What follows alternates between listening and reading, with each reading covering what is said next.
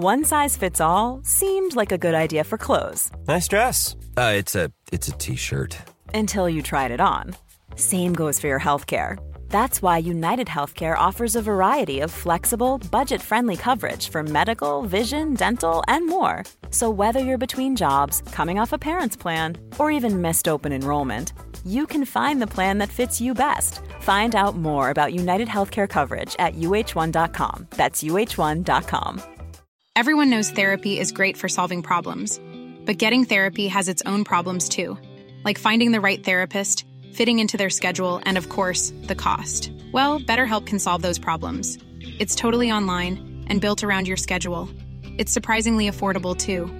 Connect with a credentialed therapist by phone, video, or online chat, all from the comfort of your home.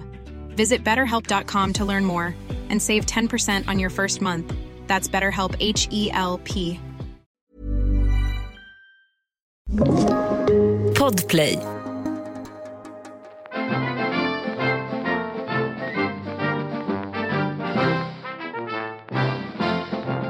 Hej och välkomna till Åsa-Nisses eh, varvning. Åsa-Nisse, blåbärssoppa och hit och dit. Jag känner mig så hurtig. Men, men alltså jag är så stolt över dig, Tack. Fraulein. Du svek mig ändå. Du ångrar dig. Svek Du ångrar dig. Jag ser det dina ögon. De är svarta och Nej, onda. men jag är jätteimpad av dig. Men jag bara kände att så här, jag, jag vet också när Ann Söderlund ringer och säger så här, Hej, vill du åka Vasaloppet med? Det är superenkelt.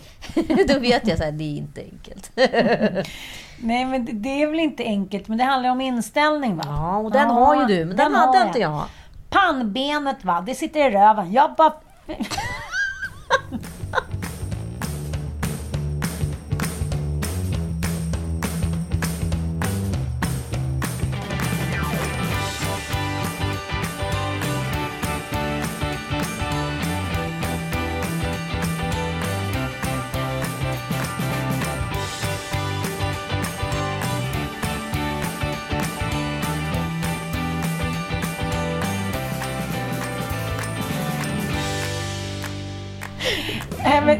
och Nisse Hallberg, Ja. höll jag på att säga, åkte ju det här. Det här är också en väldigt rolig anekdot. För jag och Klara Herngren var ju ute och badade vinterbad i isvak ute i Saltis. Och då var Nisse Edvall där. Edvall eller Edvall? Ja, Nisse Edvall då. Mm, mm. Ja, och... Eh, Pappapodden. ja, precis. Din poddpartner med Ja. Jo, En av mina trogen sju- unik. en av mina Det var 700. 2000 unika poddpartner. Vad gör du om dagarna? Jag poddar, jag poddar, jag poddar.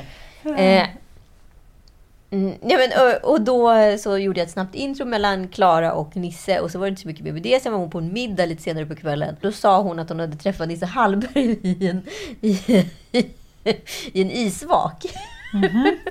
och de var så här, men det är inte det här roliga komikern, men det är min kompis. Här. Och då var hon så här, visst hette han väl det? Så hon DMar honom och säger så här, vi sågs vi idag i en isvak. Och han, han, han var ju, blev lite chockad. Fast det var Edvall? Ja, precis. Aha. För han var ju nämligen med dig uppe i Vasaloppet. Ja, det vore han. Bambi på halis.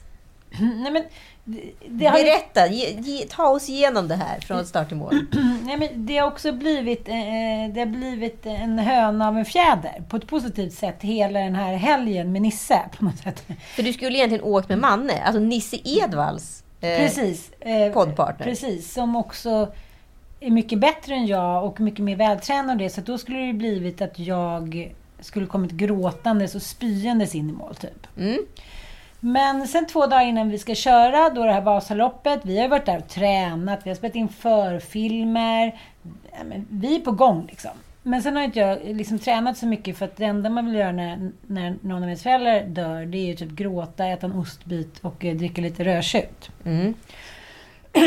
så det kanske inte har varit jättemycket träning, men lite grann i alla fall. Eh, och då ringer han och säger jag är helt chockad, jag får inte köra Vasaåket för jag är förkyld. De är ju sten, de är ju stenhårda med det, för de är ju enda liksom, loppet, man ska säga, som har fått tillåtelse av svenska regeringen, trots covidreglerna. Så de är liksom stenhårda. Så det var ju pinne i näsan och armlängds avstånd hit och dit. Men, men så att helt plötsligt står jag där ensam. Utan partner. Och så tänkte jag så här, så, jag har inte tid med det här. Och så kom en massa förslag på så superåkare. Allt från så här, Sveriges bästa Paralympicsåkare till Anna Haag till jag bara kände så här, kanoners. Eh, jag kommer ju se ut som så här Eulalia i skägg. Ja, det och sig var roligt. Ja, men, men det hade kanske inte varit så roligt, för så, så dålig är jag inte. Men då skickar... Säger eh, hon alltid. ja, men alltså jag är, Ja, jag fattar, jag är jag inte, fattar. Jag är inte Åsa Nisse på hal is Nej, men du skulle ju framstå som Åsa Nisse på hal is Men det skulle jag aldrig. Jag är så vig och rolig inför småkläder. Ja, hur som helst så skrev då Gabriel som ansvarig för det här, men Nisse Hallberg då? Och då hade jag precis smsat honom och han DMade, så vi tyckte båda samma. Och Nisse är tillräckligt tokig. Han är, eller han är tillräckligt uttråkad ska jag säga, som alla komiker just nu. De ställer upp lite vad som helst. Det är så bra. Ta, haffa en komiker, de har inget att göra. älskar en komiker. Så att han eh, följde med där då i sista sekunden. Och det är ju en gammal vän till mig. Jag har ju känt honom i snart 20 år. Och, eh, ja, han följde med då och jag kände sen när vi kom på lördagen på eftermiddagen och han skulle provåka med Mattias Svahn som är så här, proffsåkare och filmteam och allting. Jag kände så här, nej nu, nu har jag inte varit snäll. Du vet, han ramlade. Han åkte som en stelopererad liksom, svan. Mm, mm, mm. Och han ramlade baklänges och på och stjärtamentet. Och jag kände så här, nej men det här, det här kommer ta nio timmar. Vi bokade om våra, liksom, våra tåg och våra rum på hotellet. Jag kände så här, nej men alltså det här kommer inte gå. Men jag bara undrar, kan vi inte få höra Nisse prata själv? Det här låter ju sjukt spännande. Ja, vi, vi ringer till honom. För det som jag ändå måste säga innan vi ringer är ju att han är väldigt modig tycker jag. Jag tycker att sport handlar så mycket om för killar att de ändå måste prestera. Att Ja. det ändå måste se snyggt ut. Och det, det trodde kanske Nisse att det skulle göra, men det gjorde ju inte det. Och då blev han ju väldigt ledsen och... Ja, men han blev som en liten tant, som en missnöjd, grälsjuk tant. Så att vi gick igenom många metaforer. Men, men vi ringer honom då. Ja. Jajamensan. Nisse.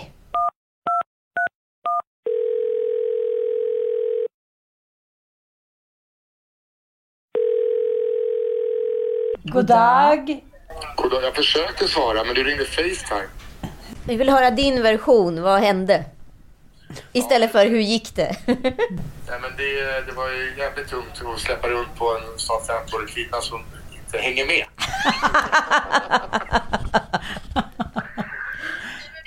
Eh, nej, jag är typ, eh, typ sjuk efter det. Det måste ju varit totalt... Nej, men jag, är- men jag, jag vet inte, om jag har total rättslig brist fortfarande. Jag är, jag är helt mör. Det kan man ju vara en dag efter pulkabacken bara, så jag tänker tre mil på, för någon som aldrig har, liksom har sprungit mer än två kilometer. Det måste ändå vara avancerat.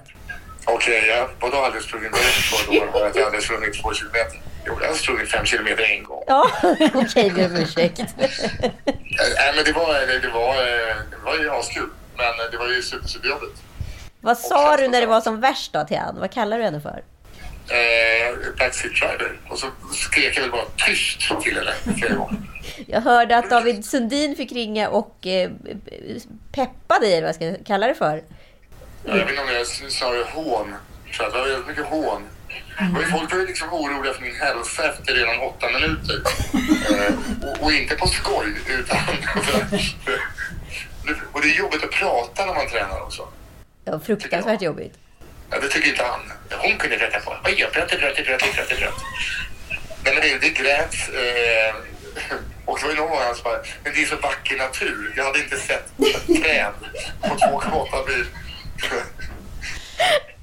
Du skrek ju också ganska ofta till mig, jag hör för fan inte. Du tyckte att jag pratade framåt. Ja, men du pratade ju framåt. Nej, titta, titta. Det var där jag, alltså jag var jätteotrevlig. Jag har ju sett lite sen. Eh, och jag trodde att det skulle se bättre ut än vad det gjorde. Det, jag har ju en fruktansvärd skitteknik. jag liksom duttar omkring bara lite. Och klagar. Och duttar. Men du, ska du inte komma ut och åka på Gärdet då? Ska vi ta en liten sväng? Får jag, får jag lära mig av en mästare? Lite av en mäster. Du har ju sådana där små trickskidor du åker omkring. Åh, herregud. Skidor. Men en, en, en sista grej då. Varför följde du aldrig med ner till spat? Nej, men vi, vi skulle göra det andra dagen. Första dagen då, hade jag, då var jag så trött efter bara att ha åkt 800 meter. Då var jag, jag var ju liksom inte frisk när vi åkte, men jag kunde inte säga det till teamet. Nej. Eh, så jag, jag, mådde ju, jag har ju hostat slem i två dagar. Eh, men, och sen skulle vi ju ner till spat eh, dag två, men då blev det ingen spa. Då blev det armbrytning och mellanöl. Har du, jag, du har berättat att jag också kastade ut dig och du tog en öl som du drack en knappnålspund pund av. Ja, jag- ja, exakt. Jag gick ner eh, till nattvakten. Och det var ju härligt för dem. När man beställde en öl, då sprang de. Det var gubbar som sprang upp med öl till rummet. Fan vad fint. Du trodde ju han var tänd på dig. Du tror ju alla är tända på dig. Nej, alla män i 50-årsåldern, ja. Det var inte en kvinna som tittade efter mitt håll efter att de hade sett mig i spåret. inte ens om helvetet fräser is, is skulle de. Ja, men du och jag ska ju snart på nytt camp. Ja, vi ska ju på eh, träningsläger. Vadå, vad ska ni göra då? Vi ska på skidläger. Igen? Har ni fått Det här blodad var tand? det här var ju, det här var ju t- träning, det var ju tävling. På fyra dagars skidläger med gamla landslagstränare. Nej, men då vill jag följa med. Det är avis. Ja, men det, finns bara plats för två tyvärr. Ja, Okej, okej, okej. Nej, Men du kan sitta i en babybjörn på mig. Absolut, absolut. Men det är en grej som jag ändå vill berätta för, för alla lyssnare. Det är att när vi kom in i mål, då var det som att du var ynglingen i typ Sövleborg som hade tagit studenten med höga betyg. Du satt och ringde runt och din far var stolt, din mor grät, din syster var i sjunde himlen. Det var som att, de, att du hade uträttat ett mirakel. Ja, men jag var ju, jag var ju, alltså belöningssystemet, det var liksom första gången jag var glad på månader, kändes det som. Men på riktigt, genuint glad var jag. Att jag eh, fick dricka en öl var jag glad över. Det hade jag inte gjort länge heller. Jag känner ändå att så här, längdhumor i dubbel bemärkelse kopplat med stand-up komik, det är ändå någon form av bottenskrap. Nu har, du kört, nu har du kört längdhumor tre gånger under det här samtalet. Är det så du tar dig fram i livet? Ja, eh, om jag tar mig fram som jag gör på längdskidor så kommer jag inte komma något vart. Nu är det fjärde längdskämtet. Skuttedutt kallas din stil. Jag skuttidutt, ja. Så, saltomortal och nu kommer skuttedutt. Puss och kram. Tack så mycket. Puss och kram. Mm. Hörs sen. Hej, hej! intresserad av att skida med Nisse. Men han, han, är väl, han är väl ungkarl den stackaren? Du kan ju alltid eh, hora ut honom här i podden. Ja, jag. men det är flera som har hört av sig och, och undrar om han är singel och tycker att han är snygg och sådär. Men äh, jag sa inget. Vi behåller honom för mig själv. Nej, men, men eh, vad var han sa när jag undrade varför det aldrig funkar med kvinnor? Jag är bra i små mängder, inte i en stor portion. Oh. Mm. Så det finns någon som har lust att ta hand om en stå- ståuppkomiker där ute. En stor portion bara.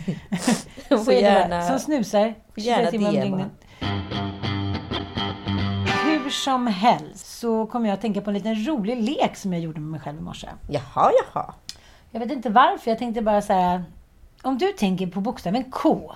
Vad kommer det upp i ditt huvud? Så kan du använda det i podden. Nu vet jag inte om det är så roligt, men då tyckte jag att det var jätteroligt. För den första jag kom att tänka på var Kim Cattrall. Jaha. Ja. Och, och vad, vad, vad, vad, finns det någon kontenta med det här? Om jag skriker en bokstav till dig så ska du bara bla första tre grejerna som kommer upp. Ja. Och så får jag analysera dig. Okej, men, men sen ska jag gå tillbaka till Kim Cattrall.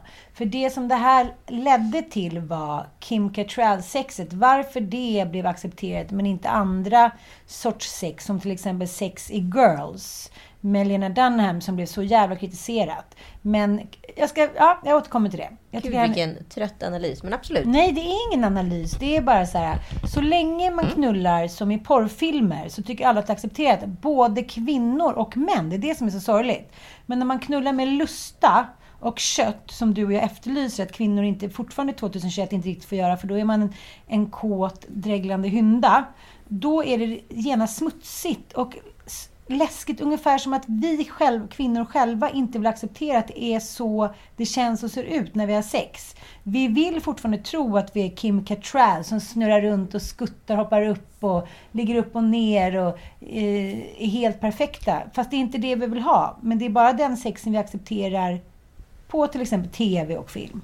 Jag tycker inte Kim Cattrall har porrfilmsex. Hennes sex är ju mer som någon form av buskisfilm. Det är ju så här, hon blir... Eh, det är någon som går ner på henne och hon så här ligger med benen upp och skriker i en libretto. Liksom. Alltså, men det som är dess- hennes attribut är ju att hon har en perfekt kropp till skillnad från Lena Dunham som inte har det. Och när en imperfekt kropp har eh, sex på ett, ja, vad ska jag säga, flamboyant sätt, då blir det helt plötsligt vulgärt. Och det är ju bara tillbaka till någon form utav, ja, vad ska jag säga, eh, struktur igen. Jo, men, jag tror att det är så mycket sånt som så här, står för. Ja, och sen var ju Girls, precis som Sex and the City var med, på sin tid också, de var ju tidiga på bollen och gjorde någonting som var då väldigt radikalt. När man kollar med dagens ögon på Sex and the City så kan man ju, tycker man ju liksom att hehehe, lite buskis och knasigt. Men då tyckte man att det där var väldigt utstickande och crazy. När man kollar på Girls idag reagerar jag inte alls så starkt på de scenerna som jag gjorde för eh, fyra, fem år sedan. Aha. Så att jag tror att det handlar om att de där grejerna låg före sin tid och nu när du tittar i efterhand på det så upplever du saker och ting annorlunda än vad du upplever då. Så jag tror alltid det är viktigt att cementera den känslan som man hade då för att kunna jämställa det. Det blir ju en lite utav en metoo-process. När du kanske så här inte reagerade på att, eh, tyckte det var speciellt konstigt att chefen så här, Eh, gav dig en klapp på rumpan på fredagsvinet eh, liksom. Men idag är det skitkonstigt. Jo, men alltså, det handlar om att Lena Dunham visade liksom en hårig mutta för första gången i en tv-serie, vilket liksom skapade skandal. Och det, det här är någonting som jag känner att jag måste bearbeta. Jag var naken med en god vän häromdagen och hon hade en riktig buske och rejält hår under armarna. Och jag hajade till. Alltså inte för att jag liksom inte tyckte att det var vackert eller för att jag tyckte det var konstigt. Jag var liksom, det var bara inte det jag hade väntat mig. Så det är samma sak som vi pratade om, att det normativa med att vi ska leva efter tio Guds bud, vi ska gifta oss, leva samman i alla dessa år, det är det vi åtrår. Fast det är inte det vi lever. Så vi åtrår någonting som vi inte åtrår. Och jag tror att det är samma sak med den här bilden, så här porrfilmsbilden, reklamfilmstjejen, den liksom eh, bajsfria, liksom doftfria Cindy Crawford-modellen på H&M's liksom storbildsstavlor.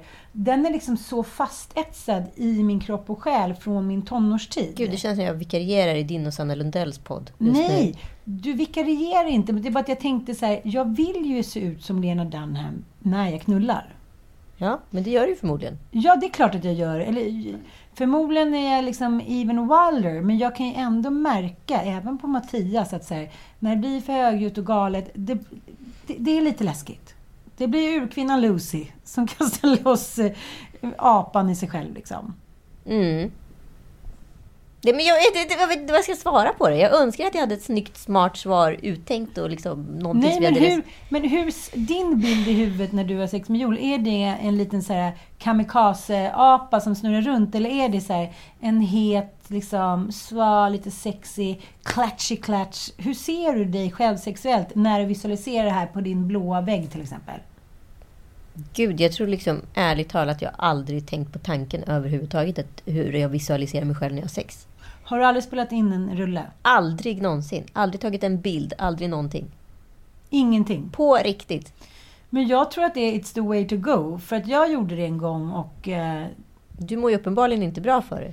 Nej, men alltså att höra sin egen röst. Nej, men då skulle jag typ ta självmord tror jag. Jo, men varför? Det är dit jag vill komma. Varför ska vi ta självmord för att vi hör oss själva stöna och skrika Nej, men på vadå, film? vill, tror du en snubbe vill det? Ja, det tror jag. Nej! Jag tror Joel skulle få någon panikångestattack och aldrig komma ut ur garderob någonsin igen. Om han skulle höra sig själv. Stonka. Han hade ju, han hade ju som ett prank med mig i början när vi blev ihop. Att härma mitt jag kommer-ljud. Eh, som en rolig grej som han tyckte att det var så här spexigt. Att så här, uppringa i telefonsamtal eller när han Jaha. tyckte någonting var gott och så vidare. Och då fick jag nästan, alltså jag fick nästan gråtattacker för jag skämdes så mycket. För det är så fruktansvärt att behöva liksom konfronteras med sitt eget jag kommer-ljud. Det är någonting med jag kommer-ljuden som ska bara vara i jag kommer-zonen. Och Ja. inte plockas ut från den. Jag fattar. Det var inget libretto alla Kim Cattrall. Nej, nej det, det tror jag. Det har jag ingen eh, tro kring. Eh, det är väl säkert ingen som har som eh, låter. Men, men det jag menar är att ånyo så är det så himla många jävla liksom, rökridåer som inte vi tänker på. För när jag åkte den här då Jag tycker det här är en väldigt snirklig diskussion. Nej, jag vill bara komma fram till att det pågår hela tiden. Att man står för att man är autentisk eller inte bryr sig särskilt mycket och vill vara en kvinna av idag. Så blir man hela tiden lite tillbakatryckt. Nu ska jag berätta en riktigt... Jag säger så här, Mattias ringer till mig då i Vasaloppet. Mm. För att han ska då pusha mig. Det var gulligt. Ja, men det var helt underbart gulligt och det var ju det som också fick Nisse att orka den sista milen. För att han, du kom igen Nisse, det ser så bra ut, du är så duktig. Han, han är ju väldigt peppande. Mm. Och jag, jag hade berättat så här, när man, liksom, när man sportar tillsammans och är ute, då tycker man att den andra människan är sexig. Om, till exempel alla mina killar som åkt skidor har jag tyckt så här, han kommer, här kommer min snubbe i skidbacken och han är het. Mm. Det kanske inte är någon biggie, men det är väl härligt att känna så. Jag känner inte alltid att jag tycker att mina män har varit heta när de suttit hemma och pillat sig naveln eller snusat någonting. Men i skidbacken, då är det någonting i mig som händer. Och då sa jag det till honom så här, ja, visst är det härligt när man skidar och sådär och när man gör grejer tillsammans. Nu, nu känner väl du dig extra kär i mig när du ser mig? Klabbar på honom. Okej. Men han, det gjorde han inte. Nej, men, Nej, det gjorde han. Men han sa så här, ja, men du kan ju, men mormor Inga, farmor Inga, du kan ju dra upp dina byxor. För man, nej! Nej! Nej men, du är så jobbig. Så jag vet ju hur det där ser ut bakifrån. Du visar stjärta, halva stjärtamentet. Ja, men det är för att jag har eh, inga höfter, mage och inget stjärtament. Så att det fastnar ju liksom på låren och så glider det över. Det är ingenting som jag märker att det har satt ner. På andra människor fastnar det på stjärtamentet, men inte på mig. Så då har det ju varit någonting som har skadat. Sen har jag varit lite för liten jacka. Nej, det kanske inte har sett jättebra Enligt vem? Farmor Inga tyckte att jag var jättefin. Så då säger han så här, jag, jag är jättekär i dig älskling, men kan du dra upp brallorna så man inte ser stjärtamettspring? Då blir jag ju så Ja, sårad. men det är väl klart du blir. Ja, men jag fattar att det kanske var bra att han sa till att inte jag åker runt för halva svenska folket med en stjärtamets- stjärtaments stjärtament. Men, det, alltså, har de ens kunnat filmat åt det, från det hållet SVT? Eller har det blivit liksom, i och med att det här har legat på barnslotten och eftermiddagen har det gått och visat dig i TV eller har man fått blurra dig live. Någon stackars bildteckning som har fått suttit med någon liten suddiluddkludd på över din, rö, din Vi stjärt. gick över budget på 100 000. Alltså om jag tänkte på verkligen att här, Gunde Svan kanske hade som en strategi att skita ner sig i byxorna för man kunde inte liksom ligga bakom honom för att då antingen fick man ju ta sig förbi honom vilket var svårt eller så fick man hålla väldigt långt avstånd för att stå ut med bajsdoften. Men jag tänker du, din strategi är ju att liksom visa Skrämma. Upp, skrämmas med springan. Kan man säga så? Och då pratar vi bakspringan, inte Nej, framspringan. men jag tänker att varje dag känner kvinnor så här, men nu är jag något fint, eller nu var jag så. Och så får man den där... Det är någonting också Det börjar med Kim Cattrall och slutar med att du visar stjärten Jag menar bara att det är lite minikini-mobbing. Det är allt från åldersmobbing, ah, det är närmare 50, det är hiten och ditan. Men man får inte vara för stark, man får inte vara för obrydd. Då måste man få Fast sig tror- en liten tryckamente. Nej, Men tror inte du att om Nisse hade åkt med byxorna på halva rumpan att du hade reagerat? Jo, men det blev ju så chockartat. Det var lite som när jag var på yogan häromdagen och han sa så här, This is how it's gonna eh, should feel. När, när jag skulle då försöka göra någon liten sittande, liggande katten trycka ner. Så tryckte han till. Jag bara, åh, höll på att spy. Och så gick han förbi, så kom han fram och sa han så här, You should take a private lesson. Så att du förstår vad det går ut på innan du kommer till den här lite braiga gruppen. Men var det verkligen så han menade? Var inte det all välmening? Eller var det bara du som var Jo, den? det var ju jätte, all välmening, men alla så här perfekta yogisar som satt där och så det var det så här, okej, ja men Lena Dunham med typ liksom, ja men slidebusken. Alltså förstår lite så här, att man blir skammad. Varför kunde inte han ta det med mig efter och säga så här, eh, det var eh, jättehärligt att du är här, men vet du, jag skulle vilja ge dig ett råd. Ta ett par privatlektioner så hakar du på. Varför var han tvungen att trycka till mig där? Det är mobbing! När jag kände mig vacker så blev jag då tilltryckt på grund av min stjärtamentsgrej. Och det var ju all välmening. Så varför då tyckte jag att det gjorde ont? Då är det ändå så här 13-åriga Ann som så här, man går förbi och bara har inga pattar eller? Det sitter i ens kvinno-DNA. Mm. Ja. Ja. Såg du inte Nisse på? Han ramlade, det var snor i skägget. Men vadå, du vet ju att män har carte blanche i alla sådana där situationer. Det har inte kvinnor. Jag vill ha det! Jo, men jag vet. Och du vet väl inte heller alltid om du är kvinnlig. Om jag är kvinna eller Eh, man. nej, nej, men alltså du, du spelar ju jävligt mycket på liksom männens planhalva och blir, vill få samma bekräftelse som männen. Fast du vill ändå få det med liksom kvinnlig fägring och charm. Det är ju en omöjlighet. Det tycker jag inte. Men Nej. ändå fem barn. Ja, absolut. Ja, vi går vidare. Vi går vidare. Men du, hur har det gått eh, efter PMS-bråket? Har ni löst det? Ja, det tycker jag. Eh, han tycker att jag ska ta tag i det där lite mer kanske. Nej, men jag, det är ju hemskt. Och det, Nisse bekräftade också, hans ex-tjej, att det är så här, varje månad så är män väldigt, väldigt rädda. Ja. Eh, inför vad som komma skall. För man vet ju aldrig. Man vet ju bara att det kommer bli, eh, liksom åka av på ett vidrigt sätt. Det är, Det är liksom, ganska hemskt att leva med en semipsykopat på det där sättet. Ja, ta, Jag kan ju verkligen skriva under det där, under det där också. Liksom, som också så här, det har inte hänt senaste året eller förra året. På två år kanske jag inte gör slut längre. Men för, för, förut gjorde jag slut en gång i månaden. det har alltså blivit bättre. Det har blivit bättre. Jag vet inte vad som har hänt. Nej, men jag tänkte faktiskt på det när jag var iväg. Det har ju varit mycket se- senaste liksom, veckorna. Det har varit hotell och det har varit inspelningar hit och dit. Det är ändå ett roligt liv där man får bekräftelse och där saker händer och det är liksom roliga människor. Det blir lite smink, det är lite hotellvistelse hit och dit. Medan Mattias är ju väldigt mycket liksom jobbar hemma, är hemma. Han gör ju också saker såklart.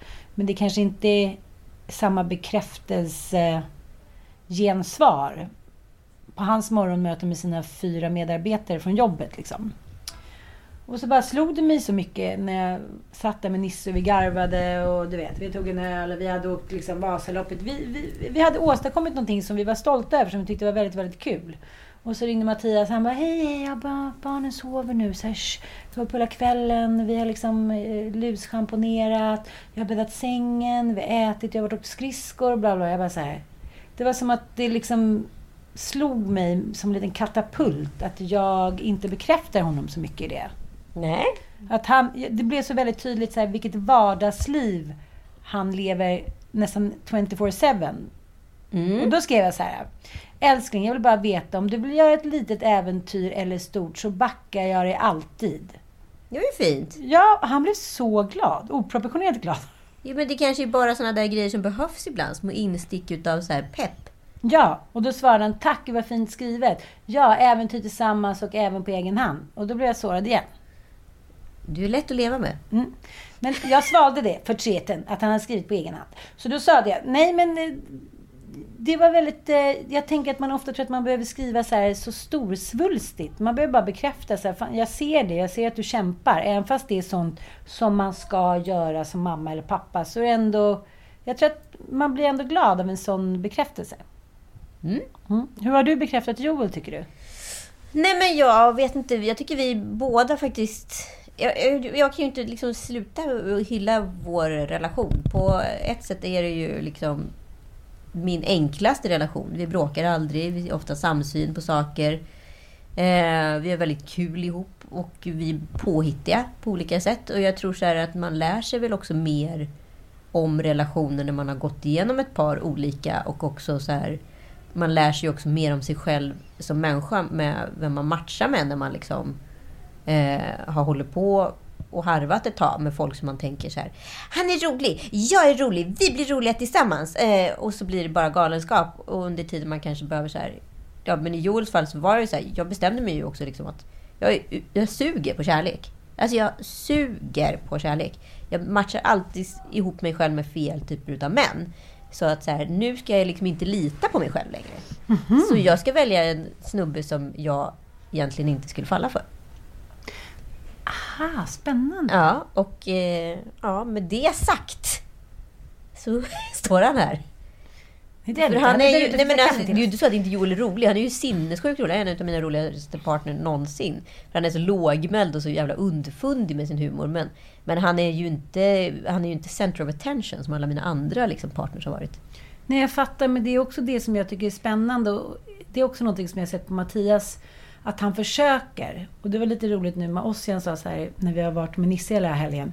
Jag försökte verkligen vara rolig mamma, men jag hann liksom aldrig. Både Mattias och Julia, de vill kännas lite trygga, de vill liksom lunka in i det. Och sen när de får lite plats, då kan de liksom... Bjussa. Ja, och, och så här, verkligen shine and glory så alla älskar dem. Men jag förstår om man sitter med människor som, ja men du vet, Filip Hammar-aktigt så här, bara vänta på en liten glipa för att här, säga nästa grej. Ingen lyssnar på den andra. Nej, men alltså jag har ju så många sådana typer av kompisar som är så här stora inom sitt gebit, eh, flamboyanta personligheter etc. Liksom, som älskar att äga rummet. Det är inte lätt för liksom lille-Joel att kliva in där och liksom äga något mandat. Fast Plus att deras, de här snubbarna är dessutom 20 år äldre än honom. Jag tycker inte ens det handlar om det. Det handlar ju också om att vi helt, vi i de kretsarna vi ofta rör oss i, där har vi helt förlorat liksom Ja, vi är superfartblinda. Ja, vi säger nej, ingen lyssnar på den andra, in där, ett snabbt skämt, kul. Ja, nej men har du gjort det? Men då gjorde jag det. Jag träffade den och den. Ja, men diskussion, samtal är ju mer som en stand-up föreställning där det är liksom 18 personer i ett clubhouse där alla är så här superextroverta. Bara så här slänger in slapstick på liksom skämt på slapstick och på punch. Ja. Och sen är det klart. Sen är det nästa. Bam, bam, bam. Ingen har tagit in någonting utav ett samtal utan det är bara en stor jävla sändning som pågår. Ja, och det handlar bara sändningen om att själv stå in i liksom Ja, man, center of attention. Ja, men man kan ju gå hem från en middag nöjd med att man har fått säga ett och annat roligt under en kväll. Bara, "Ja, det var riktigt kul, det fick vi till. Ser du vilken fin kemi? Alltså, alltså så har det ju mycket varit. Jo, jag fattar. Men så är ju inte de flesta middagar med lite mer så här lyhörda människor. Nej, absolut inte. Så jag förstår, det det handlar om också tror jag, att de kanske inte heller vill. De är så här, men sitt ni och så här köta. Ju, det är ju inte en särskilt respektfull, ett respektfullt sätt egentligen. Nej, nej, nej. Och jag vet ju själv att så här, jag är ju en sån person som tar för mig vid middagsbordet när det kommer till resonemang och babbel och älskar att stå i centrum och har behov av den platsen. Men istället för att liksom eh, i början när vi levde tillsammans så kände jag ju en extrem stress för att han säger något, säg något jävla kul, för fan, kom igen! Och så gör han inte det liksom. Men istället för att liksom känna den stressen, för den finns ju bara hos mig, så, så här, låta honom ta sin space. För när han he- helt plötsligt då säger någonting och säger någonting skitbra, supersmart, roligt och analytiskt. Då äger han ju rummet istället för att han bara sitter och slänger in de här små vedträna som bara liksom försvinner i någon, som, någon form av gnista i en brasa. Liksom. Jag tyckte det var så roligt när jag pratade med Amelia Adamo. Hon är ju gift, eller gift, hon är ihop med sin snygge italienska frisör. Precis. Alltså så att vi satt över Zoom. Då kommer han hela tiden bakom med sina handdammsugare. Naken. Naken! Ciao, ciao! Hon hade bara, jag pratade med henne om det, hon bara, nej men jag har helt kapitulerat. Gå naken där, för du, gör något, du går ju och dammsuger naken. Fan, han lägger mitt hår, han kanske säger lite klumpiga grejer då och då så att jag så här, blir röd i ansiktet. Men det är ju inte jag. Jag kan inte hela tiden ta ansvar för vem han är. Han gör mig lycklig. Han eh, är härlig att hångla med. Alltså, vi har det skithärligt. Sen kanske inte han är typ den som jag sitter och pratar om liksom Strindberg med. Men who cares? Hon var... Men det är inte så jävla konstigt att man brottas med det ändå. Nej, nej, Till nej. en början. Men, men hon hade bara sett så här. Jag älskar allt med honom. Ingen man skulle någonsin kunna ge mig det han ger mig. Nej, men nu är det så här, nu har jag och Joel varit ihop i snart fyra år. Och då är det så här, ja men antingen så får man väl liksom dela på sig då. Mm. Eller så får man väl liksom bestämma sig för att gå vidare. Mm. Alltså så här, det, det, det är ju inte... Det är inte liksom... Nu, jag är så här, var- varför ska man ge upp nu? liksom? Nu det verkar jävligt dumt. Ja, det verkar jättedumt. Ja, Det blir bröllop tillsammans. Det blir bröllop. Det blir bröllop. Men en annan rolig grej som jag var med om för ett tag sedan. Jag Jaha. jobbar, ja, jag jobbar med, tillsammans med en väldigt spännande man eh, med ett projekt. Och eh, jag, jo, eh, det har hänt någonting i det här projektet som inte har hänt eh, i tidigare projekt. Alltså, vi skriver en grej ihop och han pushar mig att skriva liksom mycket mer naket, våga mera, släppa strukturer och så vidare. Och så vidare. Och det som är kul eh, med hans kritik är att den är egentligen sinnessjukt hård. Men den är så pass pushande. Jag tänkte lite på skidgrejen där. Eh, så att man liksom kommer över sin egen fåfänga på något sätt och liksom tar den till sig. Och när man tar den till sig och vågar släppa liksom, prestigen, jävlar vad mycket längre man kommer med sig själv. Och jag tänker på hur, hur rädda människor är för att kritisera idag. Och att det här har liksom blivit nästan en samhällssjukdom. Du säger hellre att någonting är bra, men egentligen någonting som du inte alls tycker är bra eller rent av skitdåligt. För du är så jävla rädd att du ska såra den andras känslor. Så du får egentligen en sämre beställd produkt, situation, ett möte etc.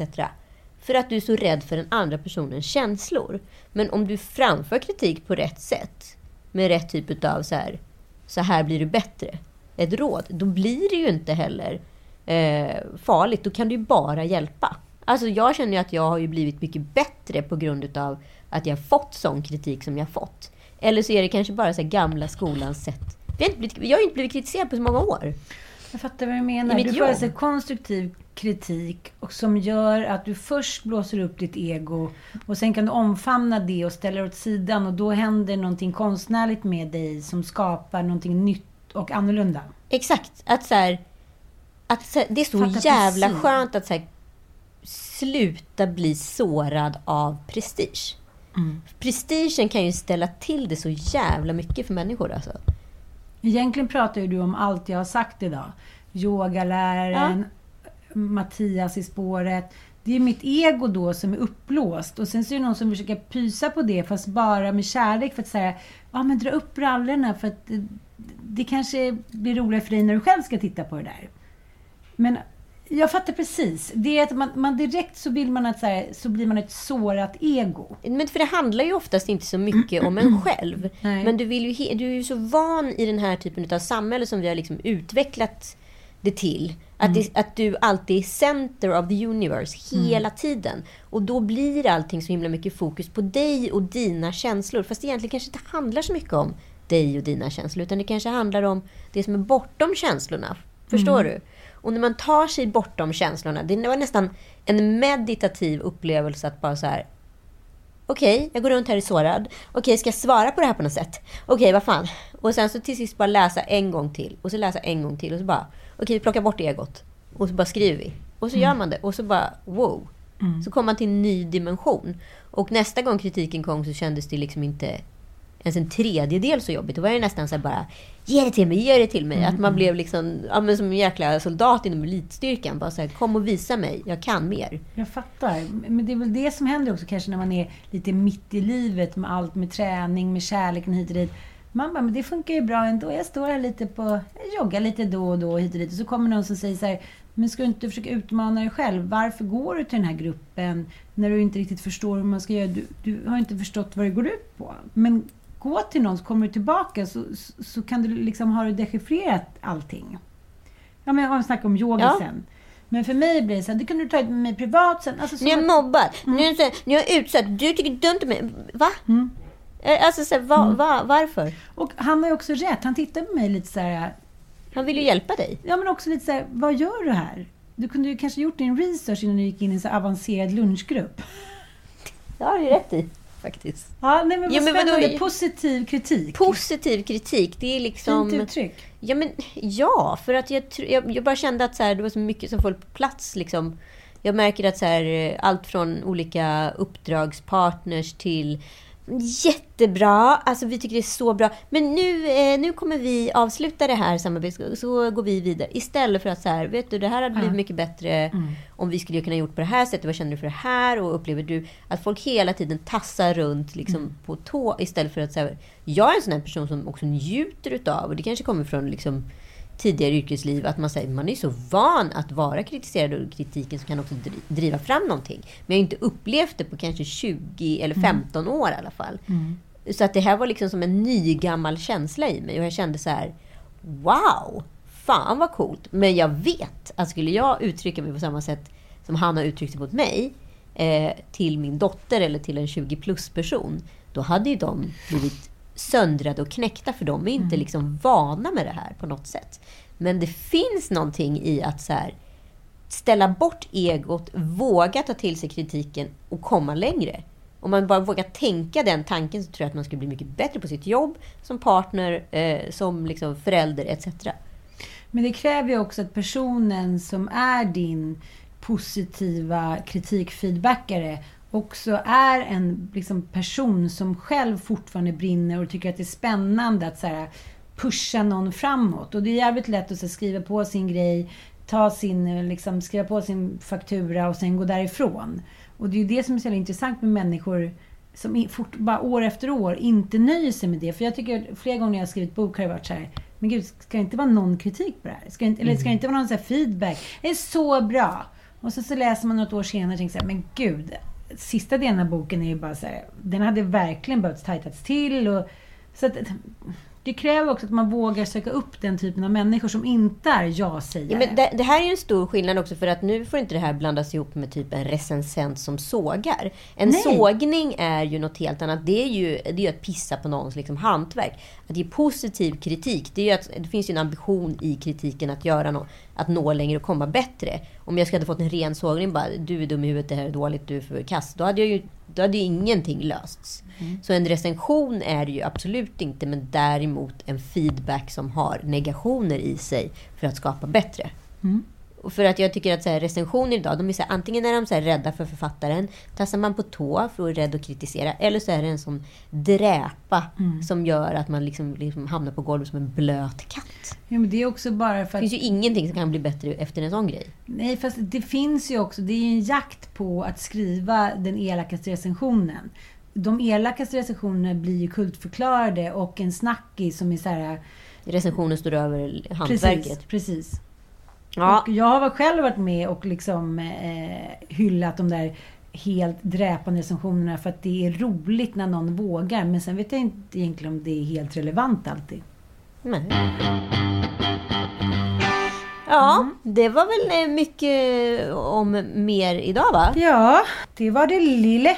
Det var det lille. Det var det lille. Ja, men tack för att ni har lyssnat. Nu imorgon så sänder vi eh, Lille Lördag Stories och temat för storyn är diktatorsmat. Ja, vad åt egentligen diktatorerna? Ska vi Gud på. vad roligt. Jag vet. De åt väl hundvalp? Vissa. Hej då, puss och kram! Hej.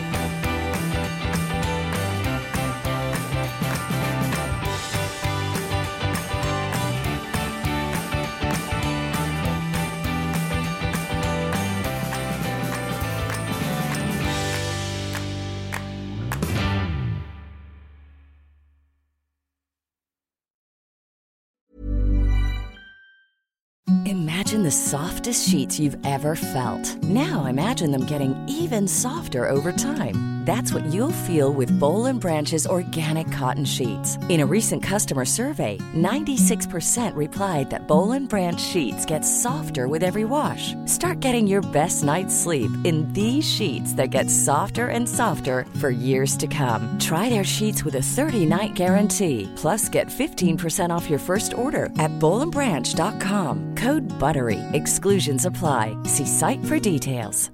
Planning for your next trip? Elevate your travel style with Quince. Quince has all the jet setting essentials you'll want for your next getaway, like European linen, premium luggage options, buttery soft Italian leather bags, and so much more. And is all priced at 50 to 80% less than similar brands. Plus, Quince only works with factories that use safe and ethical manufacturing practices. Pack your bags with high-quality essentials you'll be wearing for vacations to come with Quince. Go to quince.com slash pack for free shipping and 365-day returns.